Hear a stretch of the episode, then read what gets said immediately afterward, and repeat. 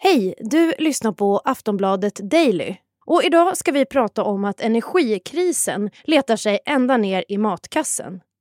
Världsläget med skenande råvarupriser och tokhög efterfrågan efter pandemin kommer med all säkerhet att snart märkas i plånboken. Just nu efter pandemin så ser vi en enormt snabbt stigande efterfrågan på råolja när ekonomin startar om och restriktioner släpps. Så över hela världen så skriker man efter råolja och andra energislag också. Hur påverkar här dieselpriserna din vardag? Vi gör årligen av med mellan 20 och 25 000 liter dieselolja och eh, med den här prishöjningen på 4 kronor nu så gör det ju en inkomstsänkning för oss direkt på mellan 80 och 100 000 årligen i så fall. Men är det något annat som påverkar ditt jordbruk? Energipriserna påverkar oss också väldigt mycket, elektriciteten för drift av gården och gaspriserna. Maten kommer att bli dyrare framöver. Hur mycket är svårt att säga, men senare i höst och framåt våren så får man räkna med att matkassen kommer kosta mer. Ja, allt tyder på det här enligt en samstämmig bild från olika delar av branschen. Och att matpriserna ökar för konsumenten det är ett av de senare stegen i den kris som pågår. Just nu är det mycket dyrare att producera maten, alltså ett tidigt led i hela kedjan. Det är dyrare att tanka och köra på åkrarna och i lastbilarna. Det kostar mer att så och gödsla. Och det är dyrare att driva olika maskiner som går på el och ha lampan tänd i laggorn. Råvarupriserna har stuckit iväg i världen. Och råvarorna vi pratar om, det är varor som vi människor använder för att producera olika saker. Till exempel olja, naturgas och olika metaller. Och det behövs för att producera energi, livsmedel och kläder. De är nu dyrare och det ger effekter för dig och mig till slut. Till exempel när man ska handla till middagen.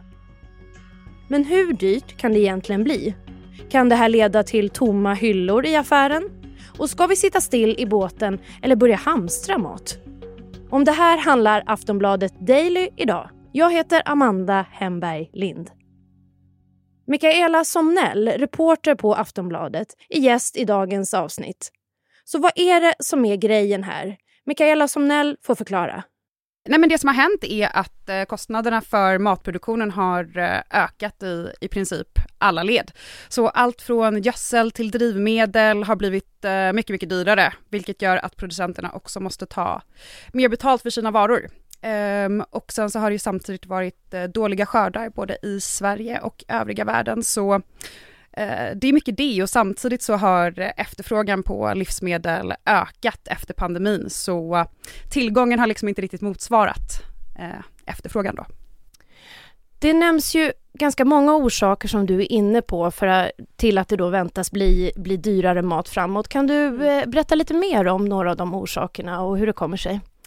Ja, men jag har ju pratat då bland annat med Lantbrukarnas riksförbund här i Sverige och eh, lite olika aktörer inom livsmedelsbranschen och eh, här i Sverige så har ju eh, prishöjningen inte riktigt nått de svenska hyllorna än, eh, för att det tar ett tag innan producenterna får ersättning för sina ökade kostnader.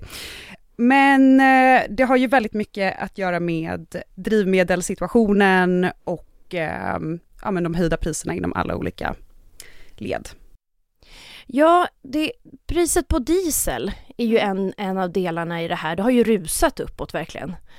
Hur mycket spelar det in i det här? För visst används det mycket i lantbruket? Mm. Ja, men det spelar en eh, jättestor roll. Ehm, det är ju väldigt centralt för många eh, jordbruksverksamheter. Eh, som jag har förstått det så är det ju väldigt många maskiner som man använder som primärt drivs på diesel. Så det, det är en jättestor del i det här.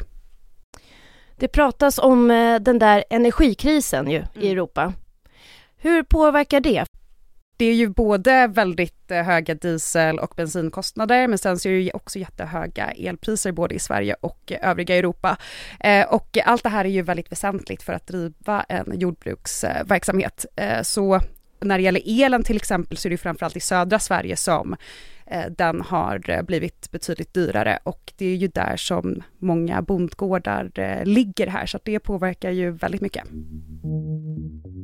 Det där med utbud och efterfrågan spelar in gällande de ökande priserna. När många människor plötsligt vill ha samma saker vid samma tidpunkt, som nu efter pandemin, så ökar också priserna eftersom utbudet inte är tillräckligt. Det kan dröja innan den vanliga matkonsumenten märker att det svajar i produktionskedjorna. Men den väldigt uppmärksamma har redan sett att kaffe i affären har blivit dyrare. Och Det har att göra med svaga skördar och priset på råkaffe. Och framåt så väntas desto fler varor också gå upp i pris. Så hur drabbad kommer jag som konsument bli i slutändan? Vi ska höra Aftonbladets reporter Mikaela Somnell igen. På det stora hela så tror jag inte att det kommer vara så att hyllorna kommer vara helt tomma. Um, men däremot så kommer det väl bli några kronor dyrare om några veckor, månader och sen eh, så kommer det troligtvis eh, hålla i sig eh, under våren framåt sommaren. Det kommer ju liksom inte, det är som med oljebristen, det är, det är inte som att eh, pumparna är helt eh, tomma utan det som man märker som konsument är ju att det är lite, eller ja, ganska mycket dyrare. Men eh, det är väl framförallt det, det kommer bli dyrare. Och sen så ifall man kollar på specifika livsmedel som kommer att påverkas så är det väl, som jag har förstått, eh, kött och mejeriprodukter som, där det är väldigt kort väg från själva producenten till konsumenten. Hur, hur mycket kan det bli då, något specifikt? Ett, eh, säg en, eh, en mjölk, om jag ska köpa det de som jag har pratat med, experter inom de här områdena, har inte riktigt velat svara exakt på hur många kronor dyrare det kommer bli. Men i eh, eurozonen under eh, slutet av sommaren så ökade priserna med eh, knappt 2% och det verkar vara med den riktningen vi rör oss i. Ja, eh, som du är inne på, man vet ju inte exakt hur det här kommer bli eller hur dyrt det blir. Men behöver vi kanske börja hamstra, bli preppers eller är det att gå lite långt?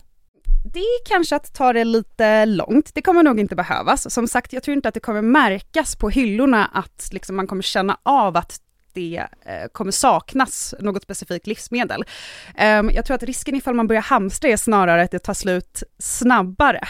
Det är väl då det faktiskt skulle kunna bli en brist ifall folk börjar preppa, ungefär som med toalettpappers krisen. Ja, den, den, kan man inte glömma, det som hände under pandemin när toalettpappret tog slut. Ja. Exakt, så det är nog smartast att strunta i hamstringen ifall man inte vill se en brist. Men vad framåt nu då kommer bli avgörande? Vad är det du har koll på och vad ska man som konsument ha koll på nu framåt? Ja, alltså när det gäller svenskt lantbruk, eh, lantbruk till exempel så kan det ju bli så att eh, man kanske känner som eh, bonde att man inte har råd att eh, så för att kostnaderna är för dyra. Och eh, det skulle ju kunna innebära att det blir mindre svensk mat, vilket är ganska allvarligt. Och ehm, sen så kommer man ju som sagt, eftersom att vi importerar väldigt mycket mat så kommer kanske inte det heller vara någonting man tänker på som konsument, för alla varor kommer fortfarande förmodligen finnas i butik. Men det här är ju en global kris när det gäller energi och dåliga skördar och så vidare, så ifall det skulle liksom bli någon liknande situation i fattigare länder där vi importerar ifrån, ifall man där väljer att eh, inte så för att man inte kan få krediter och så vidare för att täcka upp de här eh, kostnaderna för produktionen. Då kanske vi har ett större problem för eh, ifall vi inte får någon svensk mat och inte heller kan importera så ja, då kanske det inte kommer finnas tillräckligt med mat. Sist här hörde vi Mikaela Somnell, reporter här på Aftonbladet. Du har lyssnat på Aftonbladet Daily. Prenumerera gärna på oss i din poddspelare så missar du inga nya avsnitt som kommer varje vardagsmorgon. Jag som heter Amanda Hemberg Lind tackar för att du tog dig tid att lyssna. Så hörs vi snart igen. Hej då. Du har lyssnat på en podcast från Aftonbladet. Ansvarig utgivare är Lena K Samuelsson.